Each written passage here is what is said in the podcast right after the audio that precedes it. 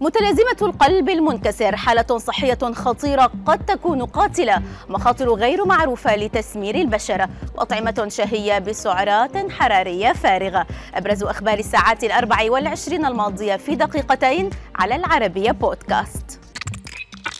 منذ أيام قليلة توفي رجل أمريكي يدعى جو غارسيا.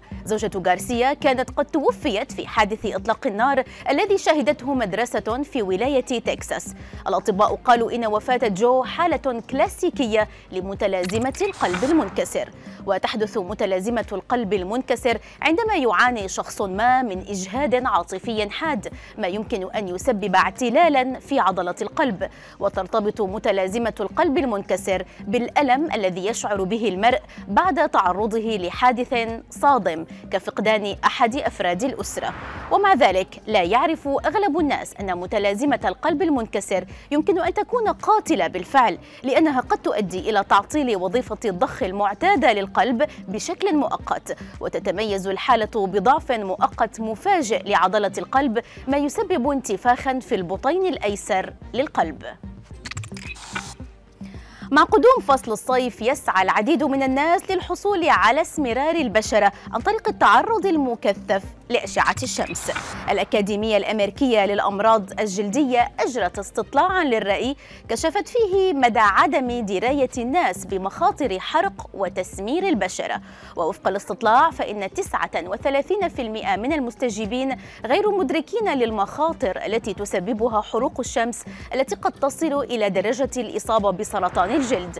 ولتقليل خطر الإصابة بسرطان الجلد أوصت الأكاديمية الأمريكية للأمراض الجلدية بالتعرض للشمس من الساعة العاشرة صباحا وحتى الثانية ظهرا حيث تكون حدة الشمس أقل. بالإضافة إلى استعمال الواقيات الشمسية والقبعات واسعة الحواف والنظارات الشمسية مع حماية من الأشعة فوق البنفسجية. تتكون السعرات الحرارية الفارغة من الدهون التي تزيد خطر الإصابة بأمراض القلب والسكري والسمنة.